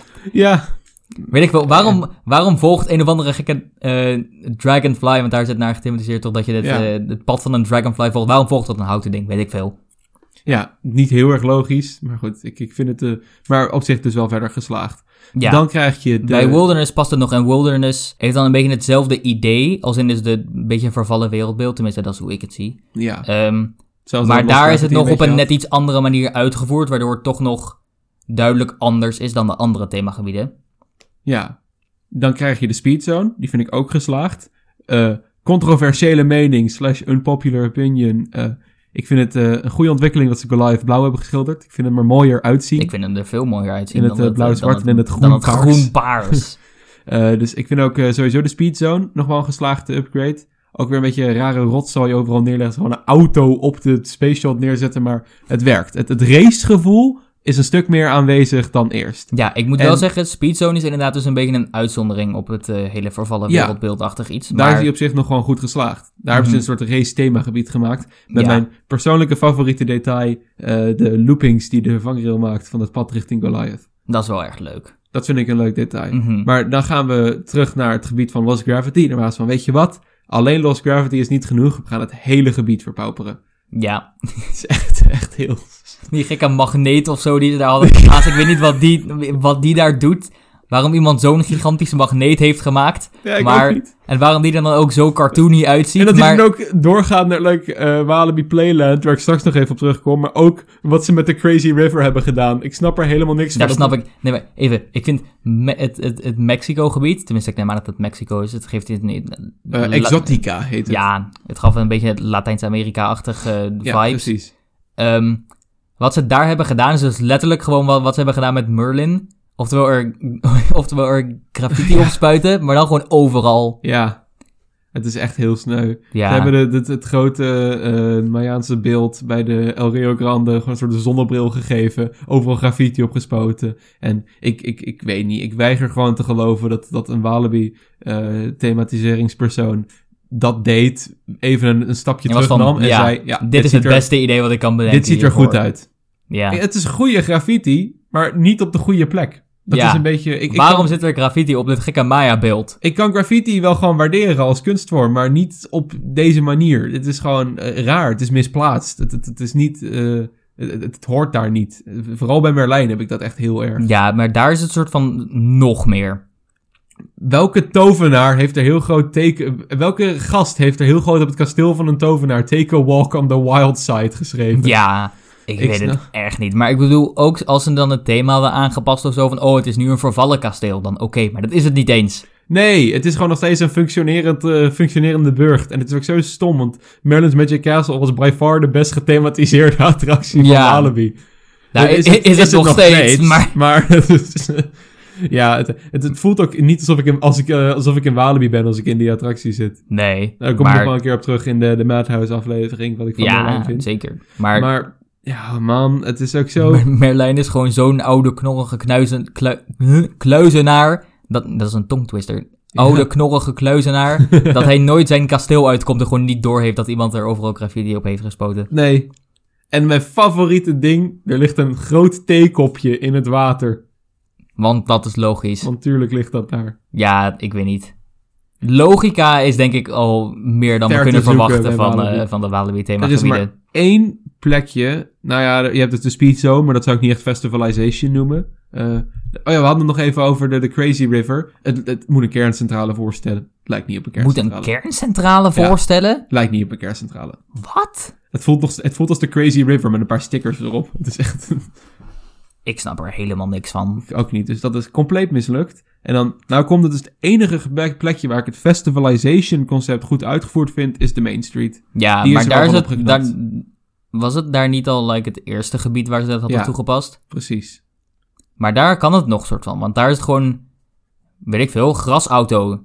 Take it or leave it. Boom, grasauto. Dit is Grasauto. logisch. Ja. Accepteer het maar. En Nou, maar de- het graffiti-werk op de gebouwen is daar logisch, want het is een beetje een urban setting. Dus mhm, daar, daar ja, daar zou het uit. meer logisch zijn van... Oh, als je voor het vervallen wereldbeeld gaat...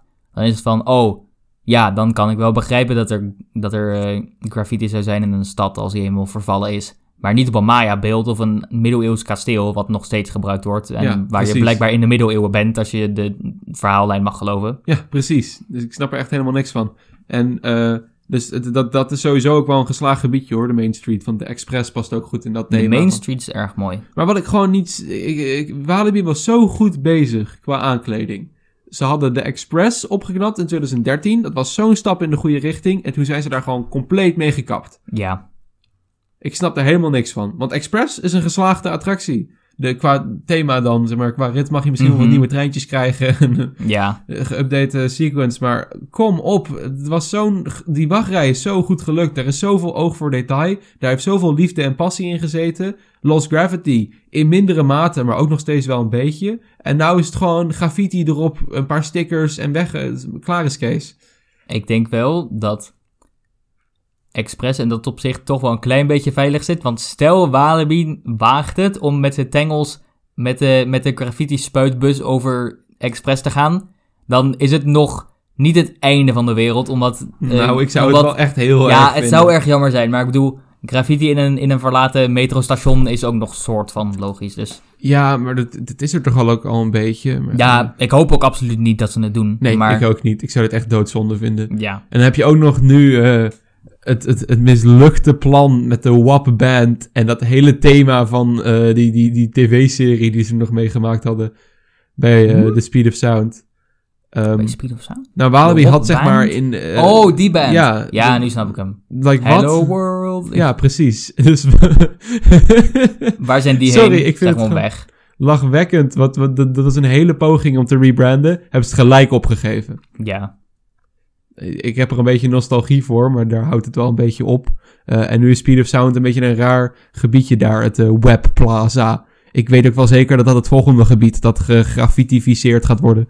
ja, dat lijkt me wel logisch. Er blijft ook vrij weinig over verder. Ja, je hebt er nog Walibi Playland, wat dan nog een beetje dat thema hanteert, maar kom op. Het is echt een park in shambles. Dat is, eh, iemand moet er even een flinke bezem doorheen halen om het nog te redden. Om alle graffiti weg te halen. Ja, de, de, de, de infrastructuur en de potentie is er om er gewoon een prima park van te maken met themagebieden, maar het Mhm. wordt gewoon niet gedaan. En nu Nee. voelt het park als een soort eenheidsworst waar, waar wat van geen kanten klopt. Ja, het is überhaupt gewoon een hele interessante keuze van Walibi geweest. Om te zijn van, we gaan het hele park een makeover geven. En de manier waarop we het een makeover geven, is door het er vervallen uit te laten zien. Ja, Ik snap niet helemaal wat je dan probeert te bereiken. ik ook niet. Probeer de bezoeker te laten zien. Het, het gaat geen positief effect hebben op de bezoeker. Of in ieder geval niet op de manier zoals ze het nu hebben uitgevoerd. Nee, ik snap het echt niet. Ik ook niet. Ik hoop echt eh, dat het eh, beter gaat met Walibi in de toekomst, want... eh, Ik zo- hoop het ook. Als ze zo doorgaan als nu, dan gaat het een beetje een dalende lijn in. Ja, ik weet niet. Ik vind persoonlijk ook wel zelf dat eh Toverland mijn nummer 2 park is van Nederland. Ja, absoluut. Absoluut. ja. Walibi eh, heeft geen schijn van kans tegen Nee. het Overland. Ik vind het, eh, de enige reden dat ik nog naar Walibi ga, is gewoon voor de goede coasters. En daar houdt het op. Ja, het enige wat ik erger zou vinden dan, dan het Avalon-thema helemaal onvolwassen maken met een verkleed feestje, is als ze er graffiti overheen zouden spuiten. Maar ja, ja, maar dat is precies wat Walibi zo hebben gedaan. precies. Dat doet me heel erg denken aan een eh, tweet die ik zag ehm, van een foto van toen het Huis van de Vijf Zintuigen volledig in de steiger stond. Mhm. Eh, met Walibi zou het laten staan en thematisering noemen. Die had je me verteld inderdaad en die Ja. ging helemaal stuk. ja, die is accuraat.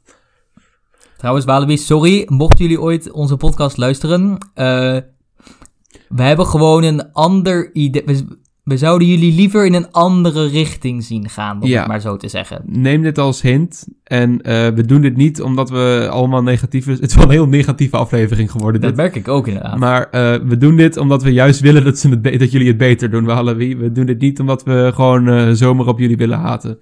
Eh, als ik opbouwende kritiek mag geven, eh, zorg gewoon voor iets meer originaliteit, iets meer variatie. Eh, steek iets meer passie in je gebieden. Iets beter omgaan met je geld. Als je de funds hebt om iets aan te pakken, geef het niet gelijk uit door overal graffiti in de zero zone op te spuiten. Blijf even doorgaan totdat je het goed kan doen. Mhm. En vind een doelgroep en rol daarmee in plaats van de hele tijd te wisselen. Ja, En doe geen investeringen waar je later spijt van krijgt, zoals het WAP-thema bij de Speed of Sound. ja.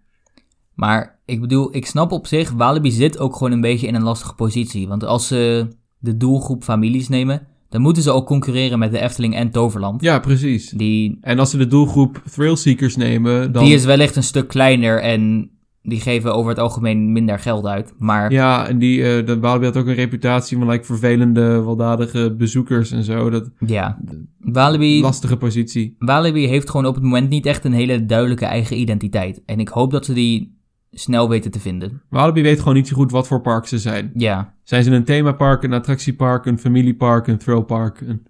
ze weten het niet. Ze weten alleen dat ze een pretpark zijn. Ja, En ehm, ja, daar, daar houdt het in principe voor ze op. mhm. ik En hoop dus wel dat het met de toekomstige uitbreidingen iets beter zal gaan.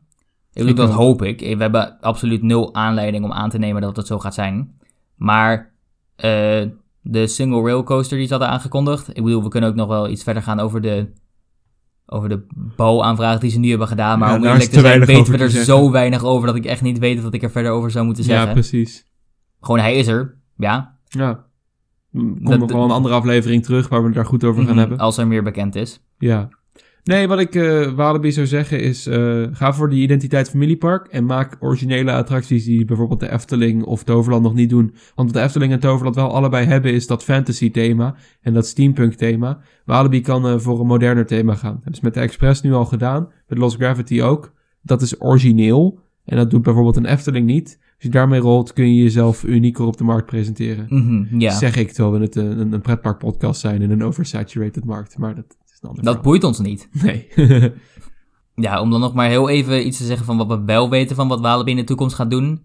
Die single rail coaster. Ze hadden toch gezegd dat die tussen de tussen Goliath en Express in zou komen of zo. Zou toch, kunnen. dat werd gezegd. Dat die daar zou komen. Ik Oh, vraag me wel erg af bij welk gebied ze hem dan gaan proberen bij te trekken. Of ze maken een nieuw gebied. Zou ook kunnen. Wie weet.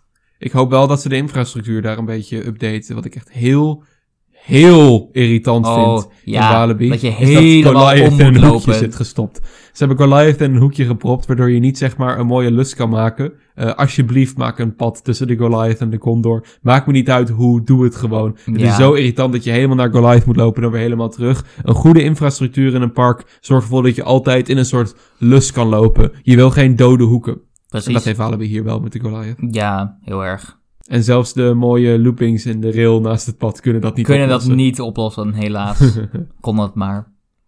Dus dat is een beetje alles wat wij momenteel te zeggen hebben over Walibi. Ik denk het wel. Dan willen we het eh, eventjes ons, de podcast voor alle soorten pretparkfans versterken... door eventjes de Atlantische Oceaan over te gaan... en het hebben over een eh, klein update nieuwtje wat wij wel boeiend vonden. Eh, Top Thrill Dragster. Ja, voor de mensen die het niet weten. Top Thrill Dragster is een attractie, een, eh, een achtbaan in het Amerikaanse park Cedar Point in Ohio. het is een strata coaster van Intamin en de op één na hoogste Ja. achtbaan ter wereld. Hij is 129 meter hoog. Eh, hij gaat iets van 180 km per uur en het is een hyd- hydraulische lancering waarmee hij die snelheid bereikt. Hij is gewoon letterlijk, je gaat uit het station, je lanceert, je gaat 129 meter de lucht in op een tophat, je gaat weer naar beneden en je gaat in de remmen. Eh, desondanks is het wel Een cult classic. Een- ja, een, een, een korte attractie, maar wel een hele intense attractie volgens de mensen die hem hebben gedaan. ja. En eh, ik weet niet of het eerder dit jaar was, maar ja, het was ergens eerder dit jaar waar er plotseling een ongeluk gebeurde met Top Thrill Dragster. Wat er in principe Ja. gebeurde was, een vrouw stond in de wachtrij en tijdens de lancering vloog er een onderdeel eh, los van de attractie en heeft de vrouw toen geraakt, waardoor ze gewond raakte. Eh, toen is de attractie daarna onmiddellijk gesloten Mhm. en gingen er geruchten dat die zou sluiten. Eh, wat heel veel fans jammer vonden, want het is toch wel een klassieke attractie, de Top Thrill Dragster. Mhm. Eh, in de Amerikaanse coastergemeenschap is het echt een, een, een classic, zeg maar. ja, Een- ja, het Een is favorietje. van... eh, binnen de Amerikaanse coastergemeenschap, ik, volgens mij speelt het in Europa niet echt, want hier is het ook niet echt geweest, hebben een bepaald begrip genaamd de Coaster Wars. Dat was dat, dat de parken steeds hoger en groter en eh, langere achtbanen wilden bouwen om de records terug te claimen en zo alle Ja, bezoekers precies. de, de, de marketing te kunnen hebben. Heel En, Amerikaans. ja, en Top Thrill Dragster was toch wel een van de, van de hoogtepunten van, eh, van die gebeurtenissen. ja, Eh, precies. en daardoor heeft hij natuurlijk een beetje een, eh, toch wel een iconische status bereikt precies. binnen de community daar. Maar wat er nou is gebeurd, is dat Cedar Point naar buiten heeft gebracht dat het Top Thrill Dragster in zijn huidige vorm niet meer terug zal komen. Lekker vaag, in inderdaad. een andere vorm weer zal heropenen. Ja, Mark, heb jij eh, theorieën van wat ze gaan doen? ja, ik bedoel, een, een heleboel mensen zaten natuurlijk meteen te denken van, oh, ze gaan de lancering aanpakken. Want de hydraulische lancering Top Thrill Dragster was altijd een nogal eh, unreliable attractie. Hij had heel vaak dat hij, dat hij niet open kon omdat hij technische problemen had. En eh, dat kwam grotendeels door de, door de hydraulische lancering. Dus iedereen dacht meteen van, oh, als ze toch hem eh, dusdanig willen aanpassen, want dat is natuurlijk voornamelijk waar dit om draait waarschijnlijk, is de attractie dusdanig aanpassen dat je het kunt marketen als een nieuwe attractie en daardoor alle negatieve pers en alle negatieve ideeën die de bezoekers eh, over kunnen hebben gehouden aan het nieuws van het ongeluk, dat dat daarmee een soort van weg wordt gevaagd en dat niet meer de attractie blijft achtervolgen. Ja, Ehm, dus zoals iedereen de dacht... Smiler nu een beetje heeft. Ja, de Smiler heeft dat nu een beetje. Eh, maar ja, dus iedereen dacht van, oh, dan pakken ze waarschijnlijk ook meteen een lancering aan. En dan de meest voor de hand liggende, het meest voor de hand liggende alternatief is een LSM-lancering. Eh, dan wordt die een beetje vergelijkbaar zoals Red Force.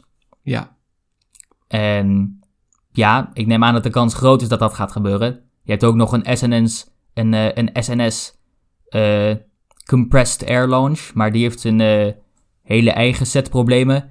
Voor ons Europese pretparkfans, denk bijvoorbeeld aan die Ring Racer bij, de, bij, de, bij een Duitse racetrack. Die uiteindelijk voor maar like, drie dagen operationeel is geweest omdat SNS de lancering niet wist werkende te krijgen. Dus dat systeem heeft ook zijn hele set problemen. Dus LSM's zijn het meest waarschijnlijke.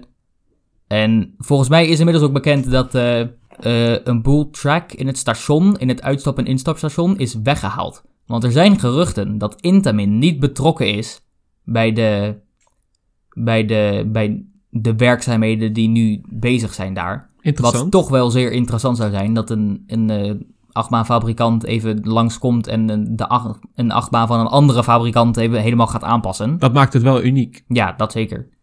Ja, en verder zullen we dat ook wel moeten zien, denk ik. Ja, inderdaad. Nou, mijn theorie is dat ze inderdaad een LSM-lancering gaan instellen. Ik denk dat ze de kleur gaan veranderen en de naam gaan veranderen. Ja, dat En lijkt me is erg waarschijnlijk. En de nou, thematisering kun je het niet noemen, maar Ja, nee, toch wel een iets ander ding ook eromheen. Ja, precies. Want het heeft nu een beetje zo'n race-thema en dat kun je gewoon eh, aanpassen naar iets anders. Mhm. Het is eh, wel ook natuurlijk echt vreselijk dat dit gebeurd is. Het komt echt haast nooit voor dat er een ongeluk gebeurt met een achtbaan die niet de schuld van de bezoeker is. Mhm. Ja, is weer, van de eh, bezoeker of van de, Operator. ja, of van de operator. Precies. Dit is echt een fout die puur bij de technische installatie van de achtbaan ligt. En dat komt bijna nooit voor. Ja, ik bedoel, Weten we al zeker wat er precies is gebeurd? Want het Nou, er is een, een bepaald onderdeel van de trein. Volgens mij een. eh, ik weet niet meer precies wat het was. Volgens mij is het een metalen plaat die eh, voor de sensoren langs gaat. eh, zodat de, het computersysteem weet waar de trein zich bevindt. Een van die platen is afgebroken en weggeschoten. En Ah, wat de precieze oorzaak daarvan was, dat weten we niet. Nee. Maar ja, het is, een, het is een beetje lastig om te speculeren daarover. Want ik bedoel, ja, het zou kunnen dat het een fout was van Intamin. Het zou kunnen dat het eh, de maintenance van Cedar Point niet, eh, ja, niet geweldig was en daardoor eh, hier tot heeft geleid. Het zou een combinatie kunnen zijn. We zijn allebei geen experts op dat gebied en we hebben de informatie niet. Dus Jij nog niet. nee, nog niet. Ik studeer werktuigbouwkunde, dus... Ja, precies. Nou is het wel een interessant dingetje om daarbij te vermelden. Dat Cedar Point het een goed idee vindt om hun achtbaantreinen in de winter soms buiten neer te zetten. Terwijl het daar gewoon keus. vriest dan. Ja. Dus eh, ja, ik kan me niet helemaal voorstellen dat eh Intamin dat in gedachten had gehouden terwijl ze het aan het designen waren. Maar ja, Hoe oud is Top Thrill Dragster? Ik weet het niet uit mijn hoofd. Volgens mij is hij geopend in 2002 of 2003. Ja, dus dat is dan ook op zich nog wel best een lange periode. ja, het is alweer 20 jaar. Dus als je daarin slecht onderhoud pleegt en je treinen buiten laat staan.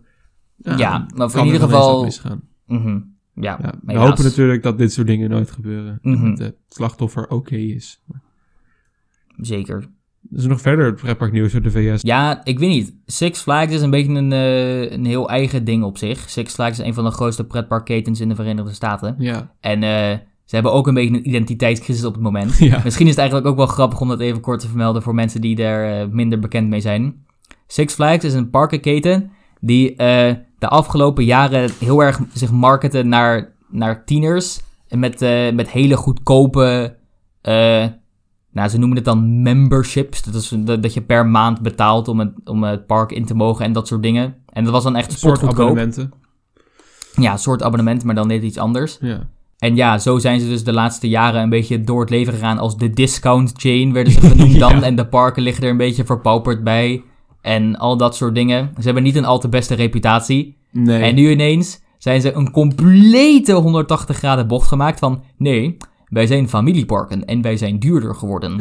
maar dat terwijl ze nog niks hebben aangepast aan de parken zelf. Dus de, de bezoekersaantallen van Six Flags zijn, over, zijn sinds die verandering echt al met like, 25% gedaald of zo. dus daar gaat het niet helemaal goed. Nee, inderdaad. Het is eh, ironisch dat Walibi een Six Flags park was. En dat ze nu een beetje dezelfde fout aan het maken Ja, zijn. van, de, van Thrill Park naar Familiepark gaan zonder meer familieattracties toe te voegen. Zonder echt het park eh, nodig aan te passen. Ja, Ja. beetje vreemd. Maar wel Six Flags grappig. heeft sowieso, maar Six Flags is sowieso een beetje een grap vaak bij dat is waar. Zeker bij ons. Zeker Ja. bij ons Europese pretparkfans die gewend Ja, zijn aan precies. hoge kwaliteit van thematisering en gewoon schone parken. Nou, niet allemaal natuurlijk, maar wel schoner dan een Six Flags park. Wat Ja. gewoon, Six Flags parken staan bij ons een beetje bekend als gewoon een betonnen parkeerplaats waar ze achtbaan op hebben gekwakt. Dat is een beetje een ding met attractieparken. Wat eh, wij, dit is iets wat ik puur zeg, omdat wij zo gewend zijn aan Europese attractieparken. Eh, de reden dat thematisering zo belangrijk is voor een attractiepark, is omdat je met thematisering eh, heel erg goed kan laten zien wat de status van jouw park is. En hoe hoog die- jij de kwaliteit van jouw attracties acht en eh, hoeveel passie jij bereid bent daarin te steken. Eh, aan de hand van thematisering kan een park heel erg zijn eigen karakter naar voren laten komen. Het probleem met een Six Flags park is, iedereen kan een stuk grond kopen en een kant-en-klare achtbaan daar neerzetten. En met de juiste financiën, de juiste branding. eh, een dat, DC-thema. eh, ja, precies, een DC Comics thema erop gooien. Iedereen kan dat doen. Maar niet iedereen kan een attractie eh, aankleden zoals een Fantasieland dat doet. Of Nee. zoals een, een Mhm. Europa Park dat doet. En dus is het, vind ik bij een park echt van cruciaal belang dat ze goed thematiseren. Want dat is de enige manier om het karakter van jouw park goed naar voren te laten komen. ja, Eh, en dat heeft Six Flags niet. En Nee. dat is een beetje een probleem. Six Flags heeft wel meer problemen hoor. Namelijk dat de, de betonnen straten warmen heel erg op in de zomer. En er is nul groen om eh, die hitte op te Mm, vangen. Dus ja. het worden een soort van eh, eh, ovens in de zomer. Mhm. Op dit moment is geen van ons ooit in een Six Flags park geweest. Ik kijk wel heel erg uit naar de dag dat een van ons... geweest. Dus Ja, met een, een echt Six Flags park. Ja. Met een Six Flags naam erop op dat moment. ja, Ik precies. ben wel echt heel benieuwd naar de dag dat een van ons daar gaat zijn. En dan de ervaring kan delen. Ik ben heel erg benieuwd. Dat lijkt me zo grappig. Oh, vast wel een keer. Maar ook gewoon om, omdat Six Flags binnen voor ons echt een beetje een grap is. Ja, zeker. Eh, zeker als je het vergelijkt met ook bijvoorbeeld een Cedar Fair, de andere grote... Ja, Cedar Fair van, eh, zijn ook eh, meer pretparken dan themaparken. Maar die doen Ja. het dan een stuk beter met over het algemeen een veel hogere kwaliteit en schoon. Het park is veel schoner, alles. Ja, Betere staf, betere organisatie, van wat ik gehoord heb in ieder Ja. geval. Tuurlijk is dat niet voor elk park hetzelfde, maar mhm. ja. Walibi, moet ik wel zeggen, heeft, eh, is, is beter dan, dan Six Flags Holland. eh, dat is waar. weet Dat is Ze waar. hebben een, ze hebben een flink... Walibi is toch wel een stuk groener altijd, dan ik me herinner. Mhm. En ehm, ja, attracties als de Express halen het al gelijk naar een hoger niveau. Ja, maar ik denk ook dat aangezien wij niet echt de, de Six Flags Holland Days hebben meegemaakt. Nee. eh, ik heb nul herinneringen aan Six Flags Holland. Wat voor een heleboel fans waarschijnlijk hebben ze dat wel. We hebben het Maar- niet eens meegemaakt, geloof Nee. ik. Dat weet ik niet. In ieder geval. Wij kijken dus met een heel ander oog en een hele andere standaard naar Walibi. Want de vergelijking met, oh, eh, zo slecht is het nog niet, want eerst was het Six Flags, die hebben wij niet. Nee. Wij kijken gewoon naar Walibi is Walibi. En Walibi als een park heeft veel potentie, maar ze doen er niet zo, eh, te weinig mee. Nee, ja, het is namelijk, dat is ook wel een heel groot en grappig verhaal. Dat Six Flags probeerde parken te openen in Europa en dat het compleet mislukte en ze zich onmiddellijk weer teruggetrokken hebben. Heel veel van de huidige Compagnie des Alpes parken waren eerst Six Flags parken. Ja, Maar het is wel zo dat Belgium. Compagnie des Alpes nu Walibi België een beetje als hun vlaggenschippark neemt. En dat Mhm. daar ook heel veel investeringen naartoe gaan.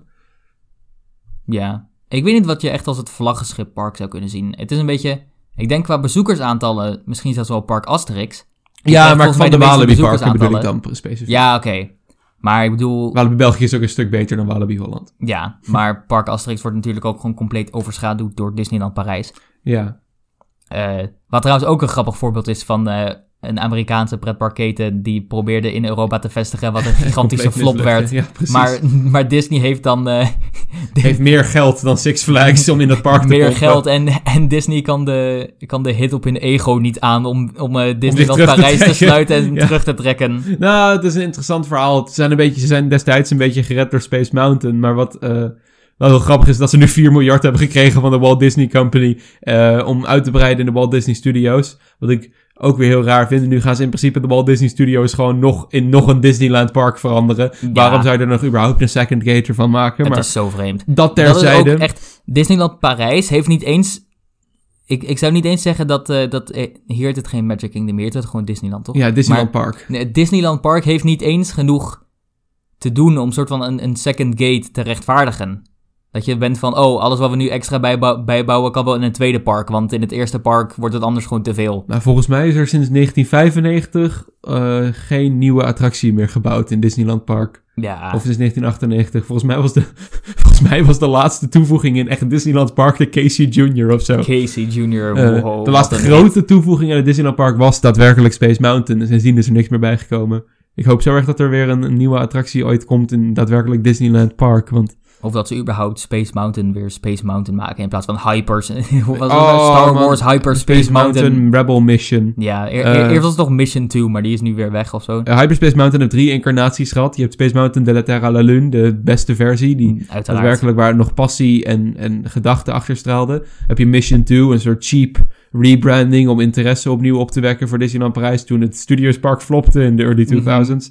En dan nu Hyperspace Mountain. Dat was een tijdelijke, tijdelijke overlay om Dat- Star dat- Wars Month te vieren. Sorry luisteraars, of Vincent moet het even gaan editen om het te fixen, maar hij zei dat erg luid. Ja, ik ben gewoon heel erg gefrustreerd. Want Mhm. bij Disneyland Parijs betekent tijdelijk dat het er acht jaar zit. Dat- Dat is waar. Disneyland Parijs duurt ook, het doet ook echt opvallend lang over alle bouwwerkzaamheden. En over onderhoud en dat soort dingen. Maar dat is gewoon Franse arbeidswetten en de, de slechte van, manier van organisatie daar. Heel Star Wars Land en het Studios Park gaat nu ook gewoon niet door. Dat ben ik zo...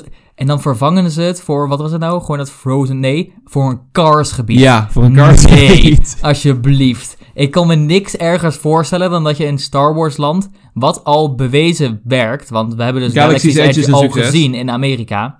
En wij weten dus ook al dat, oh ja, ik zou daar wel een kopie van willen. Wat een, een grote afwijking is van hoe ik normaal gesproken praat over Disney Park. Van ja, geef Ja. mij maar een kopie daarvan. Nou, ik heb, Maar- lief, ik heb natuurlijk altijd liever originele attracties boven een kopie. Ja. Maar in dit geval, als dit mijn opties zijn, heb ik liever een kopie van Galaxy's Edge Van dan iets van goeds Cars dan iets origineels, minder goeds. Precies. Ja, Cars Land. Ja, I mean, Cars Land in California's Adventure is oké. Het is gewoon Cars. Dus je kan er... het is Cars. Hoeveel kun je ermee? Ja, precies. Ik weet niet. Ik denk dat Ik denk, we gaan geen Radiator Springs Racers krijgen. Nee. dus- Maar Disney moet gewoon iets slimmer omgaan met welke IP's ze in Parijs willen introduceren, omdat dat toch een andere markt is dan Amerika. Nou, Disney is naar mijn mening op zijn sterkst dat ze origineel doen. Ja, Eh, en dat is in Disneyland Park. Ik ben wel heel blij dat deze onzin allemaal plaatsvindt in het Studios Park. En niet in het Disneyland Park. Disneyland Park is, eh, Disneyland Park is namelijk daadwerkelijk een, een heel erg goed park dat heel slim in elkaar zit. Dus ik zou het doodzonde vinden als ze dat Disneyland mooie, schone canvas helemaal gaan eh, rommelen. Ik, ik zie het voor nu, hoe ik het nu een beetje zie voor in Disneyland Parijs, dat Disneyland Park een soort mooi schilderij is. Eh, en dat Disney, Walt Disney Studios een soort eh, kladblok is dat ze ernaast hebben waar ze af en toe op schetsen. En als het mooi werkt, voegen ze het toe in het canvas. Maar Ja. 9 van de 10 keer scheuren ze de pagina eruit en beginnen ze opnieuw. Ja, maar we hadden zoveel concept art gezien voor. Er komt ook nog een heel Frozen gebied daar. het wordt echt En flink. ze, ze hadden zoveel uitbreidingen getoond en vervolgens krijgen we gewoon allemaal mindere versies van wat ons was beloofd. En laten we nog maar niet beginnen over Avengers Campus, want daar heb ik ook veel over te Mhm. zeggen. Oh nee. Nou, Daar wil ik ga- eigenlijk pas iets over zeggen als we er zijn geweest. Ik ben Maar- hoogstwaarschijnlijk in januari eh, volgend jaar in Disneyland Parijs. Aanstaande januari 2023 ga ik weer naar Disneyland Parijs. Dan zal ik even mijn mening eh, delen over Avengers Campus. Want ik ga zeker even een kijkje nemen. Dat wordt een flinke hit voor je, band, voor je bankrekening. Maar ja. Absoluut. Eh, Paul Sprangers, om hem even te quoten. De enige situaties waarin je huilt in pretparkland zijn wanneer je het meisje met de zwavelstokjes in de Efteling hebt gedaan. En wanneer je je portemonnee bekijkt na een dagje Disneyland Parijs. of na een, eh, een middagje wat voelde als 20 minuten, maar wat eigenlijk 4 uur bleek te zijn naast, ezel, naast ezeltjestrekje met je contactloos betalen. Maar daar kunnen wij ook onze eigen ervaringen over delen. Laten we daar maar niet te veel over zeggen. Uh, nou, je hebt ook nog de Zero Zone inlopen van Walibi Holland.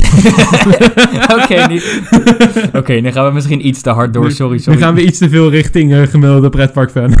nu zijn we echt alles aan het afzeiken. Eh, over Amerikaanse ketens in Europa gesproken. Ik ben echt eh, vloeiend met deze transitions Oh. in elke Bonte Babbelaars Zeker, zeker. Eh, er kwam laatst naar buiten dat Universal interesse had in PortAventura opkomen. Nou, volgens mij is het niet echt naar buiten gebracht. Er zijn meer geruchten, omdat mensen Ja. van Universal waren gespot in PortAventura. Precies, En aangezien PortAventura na, natuurlijk vroeger al een Universal Park is geweest, ja. eh, is het op zich redelijk logisch om aan te nemen dat Universal misschien weer zou willen toetreden tot de Europese pretparkmarkt. En dan zou een van de beste plekken zijn om dat te doen, eh PortAventura. Ja, Ehm, maar ja, ik, ik, ik vind het een beetje vreemd. Want PortAventura is nou niet helemaal op de huidige standaard die we van Universal gewend zijn. ja, jij bent in PortAventura geweest. Ik ben niet, inderdaad dus in jij kan er echt eh, veel over zeggen waarschijnlijk. nou, maar PortAventura is, is, een, is een goed park, maar ik, zou, eh, ik, ik denk niet dat het heel erg zou benefitten van eh, bij de Universal keten toegelaten worden. Ik denk dat PortAventura uiteindelijk best wel netjes doet op zichzelf momenteel. mhm. En ik zou, het niet, ik zou niet helemaal de meerwaarde zien voor Universal of voor PortAventura eh, om deze transactie te laten plaatsvinden. nee. Ehm, dan krijg je ook weer een- PortAventura is gewoon een succesvol park op het moment met wat ze doen. Ja, Maar wat ze doen is ook weer niet helemaal in lijn met wat Universal doet. Want Nee, als we precies. kijken naar de recente dingen die Universal heeft gedaan. In Orlando gaan ze helemaal los. Daar zijn, ze, daar zijn ze echt hard aan het concurreren met Disney op het moment. Met, eh, Nou, met Walt Disney World. Ik ga het gewoon zeggen, Universal is echt steeds beter bezig en Disney is alsmaar slechter bezig. ja, Als, eh, als dit zo doorgaat met Bob Chapek's gekke beleid en...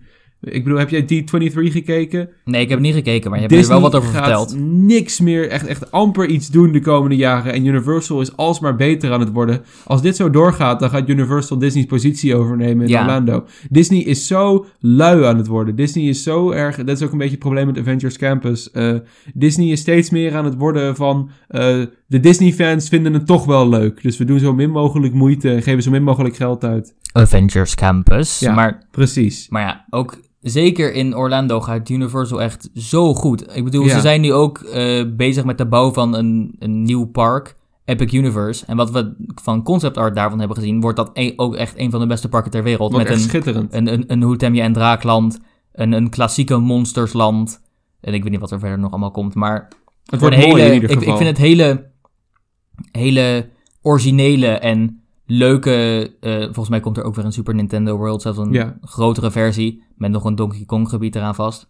Ja. Eh, maar ik vind het zulke leuke, originele IP's dan wel. Ja. Maar zoveel beter uitgevoerd dan een, dan een, een Avengers Campus. Wat zonde is, want Marvel is een hele goede IP en dan maak je zo'n gebied. Ja, Het is echt heel raar. Je- ik, ik heb geen... Heel veel mensen hebben een probleem met IP's. Dat heb ik niet per se. Ik vind dat IP's gewoon prima zijn, mits je ze goed uitvoert. ja. Eh, en dat is een beetje wat er bij Disney nu fout gaat. mhm, Eh, ja. Conceptueel is er niks mis met een IP. eh, maar je moet het wel gewoon da- daadwerkelijk goed laten overkomen. En IP's zijn juist heel erg goed voor marketing. Want Mhm. ze zijn herkenbaar bij mensen. Tuurlijk ben ik een heel groot fan van originaliteit. Maar mhm. IP is niks mis mee. Nee, niet per se. Maar ja, ik zou dus het persoonlijk erg toejuichen als Universal weer een park in Europa zou willen hebben. Al denk ik niet dat. PortAventura een mooie basis is om daaruit eh, verder te Nou, het zou kunnen, maar je moet gewoon echt een heleboel dingen aanpassen. En dat betekent eigenlijk ook, dan krijgen we er wel een Universal Park voor terug. Maar dan verliezen we PortAventura. En, dat het zou is dan eigenlijk vinden. hetzelfde park, maar eigenlijk ook weer niet. Precies, en dat zou ik een beetje zonde vinden als dat Ja, doen. persoonlijk zou ik het liefst zien dat Universal ergens anders in Europa een, een heel nieuw resort uit de grond stampt. Of een of ander achterstallig, eh, weet ik veel, Ja, eh, park koopt. Waar dat toch kan niks- ook. Ja, Eh, precies. Want daar hoef je dan waarschijnlijk minder aanpassingen te doen. Want PortAventura is natuurlijk ook een van de grootste resorts van pretparkresorts van Europa. precies. Dus als je dat hele resort wil gaan aanpassen, dan kost dat natuurlijk ook veel meer dan een klein parkje. Al moet je daar natuurlijk wel nieuwe dingen bij bouwen. Maar- PortAventura is gewoon een heel groot bedrijf, inderdaad. Ja. Dus, dus, we- dus ik, ik, ik zie het niet helemaal zitten. En nee, de overname van Universal, ik ook niet. Maar het toetreden van Universal tot de Europese pretparkmarkt zie ik wel erg zitten. Zeker ook aangezien de positie van Disney binnen Europa is lang niet zo sterk. Nee, relatief gezien niet. als ze in Amerika hebben bijvoorbeeld. Dus als Univer ik- ik ga zeggen dat als Universal ergens in Europa een park zou bouwen vergelijkbaar met wat we hebben gezien van concept art van Epic Universe, dan zou dat Disney van de troon stoten. Ja, het is wel zo dat pretparkcultuur in Europa natuurlijk heel anders is. Universal heeft niet alleen Disney als competitie hier, maar ook andere grote spelers zoals de Europa Park of de Efteling. Zeker waar. Dus, eh, Al dus- denk ik wel dat Universal beter in staat is om daarmee te concurreren dan Disney. ja, ik vind dat, de, de, de mentaliteit en gewoon de, de feel van een Disney park voelt meer Amerikaans dan dat van een Universal park. Behalve als je natuurlijk een, een studios park ervan maakt, maar ik ga ervan uit dat ze dat niet doen. Als je kijkt Nee, naar nee, bijvoorbeeld nee. Epic Universe met een Hoetemje en Draakland, een eh, Super Nintendo World, nou misschien Super Nintendo World een beetje, maar een, een klassiek Monstersland, ja. dat zou denk ik heel goed passen in Europa, een klassiek Monstersland bijvoorbeeld. ja, precies. Dat zou op zich nog Met wel de gewoon attractie gethematiseerd naar Dracula of naar Frankenstein of Dat past een beetje in het. Europese pretpark. Ja, dat zou ik er veel beter bij vinden passen dan, dan Mickey Mouse. Ja, nou, het is wel zo dat Disney natuurlijk niet alleen maar Mickey Mouse is. Dat- Dat is waar. Eigenlijk het, be- het beste voorbeeld van wat Disneyland Parijs heel goed deed om zich aan te passen aan de cultuur was een eh, Jules Verne themagebied met Space Mountain de la Terra la Lune. En dat hebben ze toen verpest. Ja, raad eens. Dat Dus hebben ze is- nu weer weggehaald. Het is ja, een rare keuze. Wat Amerikaanse ketens gewoon goed moeten begrijpen als ze zich willen vestigen in Europa, is dat in Europa de mentaliteit van de mensen en de pretparkcultuur heel anders is. En dat je daaraan moet aanpassen, anders lukt het Anders gewoon niet. werkt het niet. Je, je kunt niet dezelfde formule. formule, gebruiken Precies. die je in Amerika gebruikt Want en verwachten dat het gaat werken. Als het werkt in Amerika, betekent niet dat het ook automatisch in Europa werkt. Nee, omdat precies. cultuur en mentaliteit gewoon dusdanig verschillend is. Dat is een beetje het belangrijkste dat Universal hier uit moet gaan halen. Ja, Eh, Parijs heeft dat dus... eh, Parijs is een voorbeeld van hoe je het inderdaad niet ja, moet ze doen. hebben dat op, op de harde manier geleerd. Ja, precies. denk ik Six Flags heeft het ook ze op de harde manier geleerd. Ja, al denk ik nog steeds dat Disney er niet enorm van heeft geleerd. Nee. Maar ja, dus ik- ik stel dat Universal ergens in Europa een nieuw park zou bouwen, dan heb ik goede hoop dat ze het goed zouden kunnen doen. Ja, inderdaad. Dus eh, en dan heb ik nog één eh, kleine vraag over IP. Je hebt namelijk twee verschillende manieren waarop je IP kan doen in een pretpark. Mhm. Je kan, je kan het verhaal van de films direct volgen en proberen de bezoekers daarin te verwerken. Of je kan de personages en de wereld uit een eh, IP nemen en daar... de bezoeker iets anders zelf mee laten, of gewoon ja, Welke heeft jouw niet precies voorkeur? de film. Ik zou zeggen over het algemeen het tweede, oftewel gewoon de wereld van een IP schetsen, Ja. want dat is al voldoende om het voordeel van het IP, oftewel de bekendheid en daarmee de interesse van mensen te trekken. Dat heeft al voldoende dat. Maar dan word je ook weer niet gelimiteerd om precies de films te volgen, want dan doe je ook iets wat men al kent. En wellicht is het dan weer juist iets van, oh, dit ken ik al, ik heb de film al gezien, dus ik weet hoe dit gaat. Terwijl je eh, in dezelfde wereld maar iets compleet nieuws doen, dan kun je de bezoeker ook weer verrassen en dan blijft het ze misschien iets beter bij. Ja, precies. Daar ben ik het eh, mee eens. Ik denk dat dat het wel weer was voor vandaag. Ik denk het ook. Mijn god, wat een bomvolle aflevering We, was zijn, dit. we hebben echt, ik weet van tevoren hadden we bedacht dat we het over Toverland en over Walibi zouden hebben. En eh, eigenlijk hadden we daar iets minder over te zeggen dan we van tevoren hadden verwacht. En toen zijn we gewoon op een soort kronkelpaadje langs alle Ja. verschillende dingen gegaan. En Precies. eh, ja, we zien wel.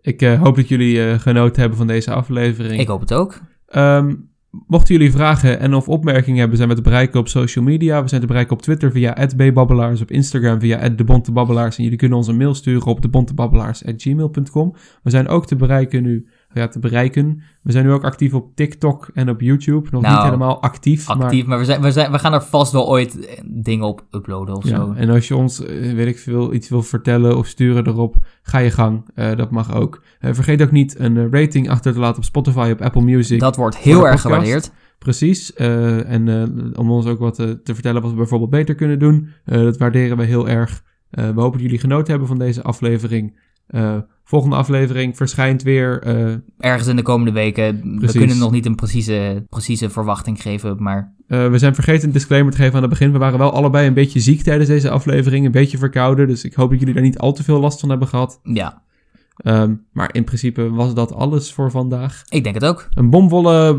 aflevering. En een, maar ik hoop wel een hele leuke. Ik hoop het ook. Dan gaan we ervoor, Mark. Ja, Ben je er klaar voor? ja. Dag, Mark. Dag Vincent.